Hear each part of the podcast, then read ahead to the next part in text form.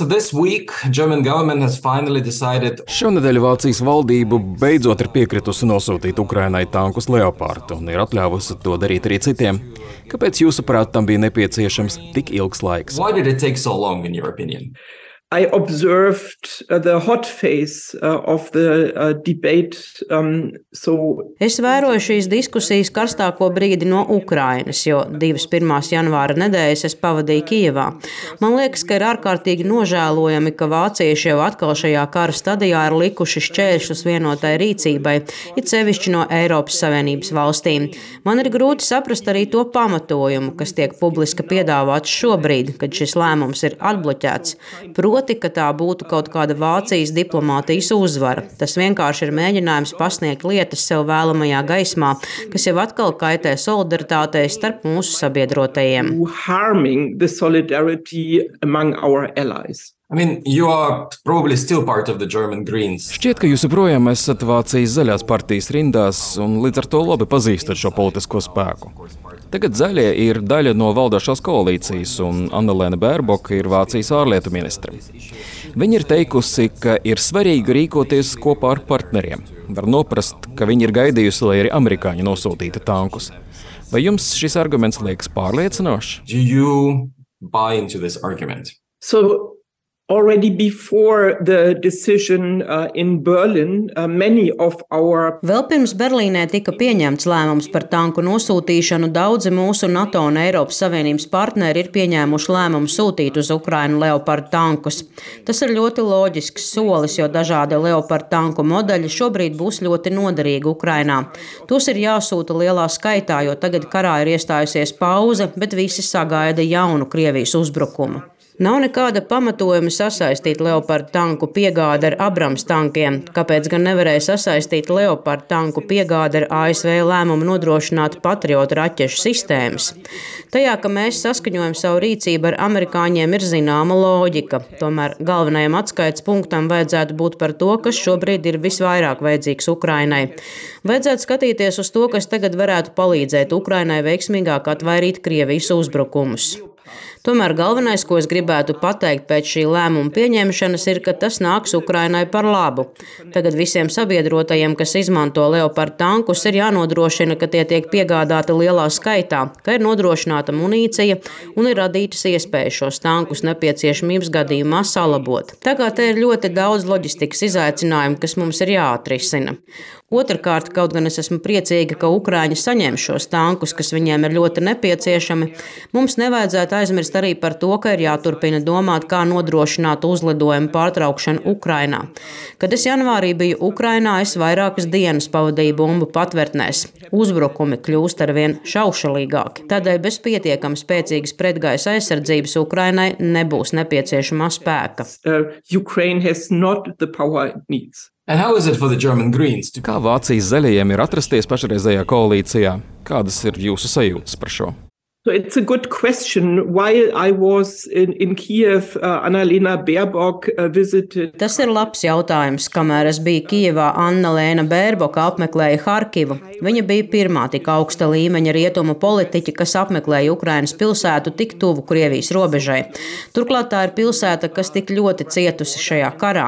Ar šo vizīti viņa sniedza svarīgu solidaritātes signālu. Arī viņas izteikumi par ieročiem un par īpašā tribunāla izveidi Ukrainas kara noziegumu izmeklēšanai tika ļoti pozitīvi uztverta Ukrainā. Es par to dzirdēju daudz atzinīgu reakciju, kamēr biju Ukrainā. Bet tas, ka Olafs Šalts pārņēma visu lēmumu pieņemšanas procesu par Leopardu tankiem, parādīja, ka varas hierarhijā viņa nav tas cilvēks, kas pieņem lēmumus. Tas rada spriedzi manā partijā.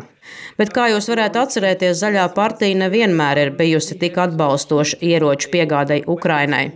Tikai dažus mēnešus pirms pagājušā gada 24. februāra, kad sākās šis Krievijas iebrukums, mums bija karstas diskusijas par ieroču piegādēm. Mans draugs Roberts Habeks, kas tagad ir vicekanclers, zaudēja iekšējā cīņā, kad viņš rosināja piegādāt Ukrainai ieročus vēl pirms kara sākuma. already before Russia went again to invasion. Uh, the... Te mēs nonākam pie jautājuma par noskaņojumu Vācijas sabiedrībā, jo šis arguments tiek ik pa laikam lietots. Daži saka, ka Vācijas valdība lēni pieņem lēmumus, jo aptuveni puse no sabiedrības uzskata, ka tanku, kā arī citas tehnikas un ieroču sūtīšana tikai sācinās šo konfliktu. Vai jūs jūtat šo noskaņojumu sabiedrībā? Un kā tas saskan ar jautājumu par Vācijas lomu un atbildību šajā konfliktā un Eiropā kopumā? So leadership, from my point of view, uh, especially in uh, Manā skatījumā līderi, sevišķi kara laikā, nevar gaidīt, kamēr sabiedrības noskaņojums būs nobriedis kāda lēmuma pieņemšanai. Vadītājiem šādā situācijā ir patiešām jāvada, un es neredzu, ka tas notiktu mūsu kanclera birojā. Man liekas, ka viņš rīkojas pretēji tam, kā vajadzētu rīkoties īstam līderim. Iespējams, ka viņa mūžīgā līdzsvara meklējuma skatīšanās uz visām pusēm un ļoti piesardzīgie soļi tiek spērti ar aprēķinu, ka tieši tas varētu patikt lielai sabiedrības daļai. Proti, ka Vācija nav nec kaismīgākā Ukrainas sabiedrotā, nedz arī visgausākā, bet ir kaut kur pa vidu. Turklāt pēdējās dienās man liekas ārkārtīgi neproduktīvi, ka Šalts mēģina pateikt gan pašmājās, gan visai pasaulē, ka tieši tā līderim būtu jāuzvedas, ka viņš ir tas, kas patiešām uzņemas atbildību par saviem iedzīvotājiem. Kādu signālu tas sūta Polijai, Latvijai, Norvēģijai, Somijai un visiem tiem līderiem, kas jau bija nolēmuši sūtīt Ukrainai tankus? Šādi tiek mēģināts pateikt, ka viņi nerūpējas par saviem iedzīvotājiem, ka viņi liek Ukrāņu intereses augstāk par savu iedzīvotāju interesēm. Manuprāt, tas ir šausmīgs un nepareizs signāls, kas tiek sūtīts mūsu Eiropas Savienības un NATO partneriem. Es ceru, ka it sevišķi Austrum Eiropas valstu pilsoņi saprot, ka Šolcam šajā gadījumā nav taisnība. Uh, that Scholz is not right about this. You... Uh, es gribētu pieskarties vēl vienam tematam. Ja pareizi atceros, tad jūs savulaik esat bijusi diezgan aktīva kustībā pret atomenerģiju. Tas jūs atveda arī politikā. Politics, um, so... Tas mani aizved arī uz Ukrajinu. Es biju Černobijas reaktora tūmā 1988. gadā, tātad vēl pirms Ukrainas neatkarības. So now, of course, there is a lot of talk about nuclear. I mean, on one side. Tagad tiek daudz runāts par atomenerģiju. No vienas puses ir situācija Zaporižijā, kas ir ļoti satraucoša. No otras ir daudz jautājumu par tā dēvēto atomenerģijas renesansi Eiropā. Vācija, kas bija gribējusi slēgt savus reaktorus, nolēma pagarināt to darbu. Polija vēlas uzcelt vairākus jaunus reaktorus. Ko jūs domājat, vērojot šo noskaņojuma maiņu? Vai ir pamatoti pagarināt atomreaktoru darbu Vācijā? The work of the nuclear uh, stations in Germany. For the German situation, um, maybe it's uh, interesting uh, for um, so Latvia and also the Baltic. Ja runājam par situāciju Vācijā, tad Latvijas klausītājiem un citiem, kas par šo spriež, varbūt būtu interesanti zināt, ka es personīgi no paša sākuma esmu atbalstījusi trīs joprojām aktīvu atomreaktoru darbības pagarināšanu. Tā ir ārkārtas situācija un ir jāņem vērā arī visas problēmas ar atomenerģijas ražošanu, ko piedzīvoja Francija. Tādēļ man likās, ka šis šis nebūtu piemērots brīdis, lai apturētu šos reaktorus, kā bija paredzēts. Es domāju, ka šajā jautājumā Vācijas valdība ir pieņēmusi pareizu lēmumu. Ja runājam par pārējo un par renesansi, tad es esmu diezgan lielā šokā, ka tagad atkal tiek runāts par atomenerģiju kā par daļu no ilgspējīgākas un labākas enerģētikas. Jo ir skaidrs, ka neviens negrib redzēt to, kas tagad notiek Ukrainā. Esmu veltījusi zināmu laiku, lai saprastu pašreizējo situāciju, un man ir skaidrs, ka jau no 24 februāra Krievija ir padarījusi Ukrainas atomstacijas par kara sastāvdaļu. Viņi ne tikai okupēja Černobiļu, bet arī uzreiz mēģināja ieņemt Zaporīžu. Klīst baumas, ka nākamajā kara stadijā Krievija varētu mēģināt ieņemt Rīvni. Tas ir būtiski, jo pirmo reizi vēsturē kāda valsts, Krievija, ir pārkāpusi visas starptautiskās konvencijas par atomenerģijas objektiem kara laikā. Manuprāt, rietumi vēl nav sapratuši, ko tas nozīmē atomenerģijas nākotnē nemierīgā pasaulē.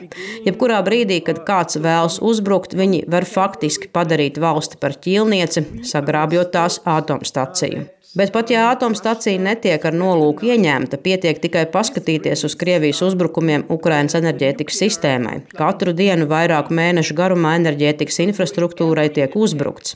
Man nav precīzas informācijas par to, cik bieži ir bijis jāatslēdz atomstaciju Rivnē un Dienvidos, jo nebija elektrības vai arī kaut kur tika sabojāti transformatori. Katra uzbrukuma laikā ir iespējams novest šīs Ukrainas atomstacijas tuvu milzu katastrofai. Tas, ka nekas tam līdzīgs vēl nav noticis, lielā mērā ir brīnums. Es zinu, ka Ukrāņiem nepatīk par to runāt, bet man notiekošais ar viņu atomstacijām ir īsts murgs. Es gribētu, lai arī Startautiskā atomenerģijas aģentūra kaut ko no tā mācītos un atzītu, ka nav iespējams turpināt izplatīt šo tehnoloģiju visā pasaulē, ja miers nav garantēts.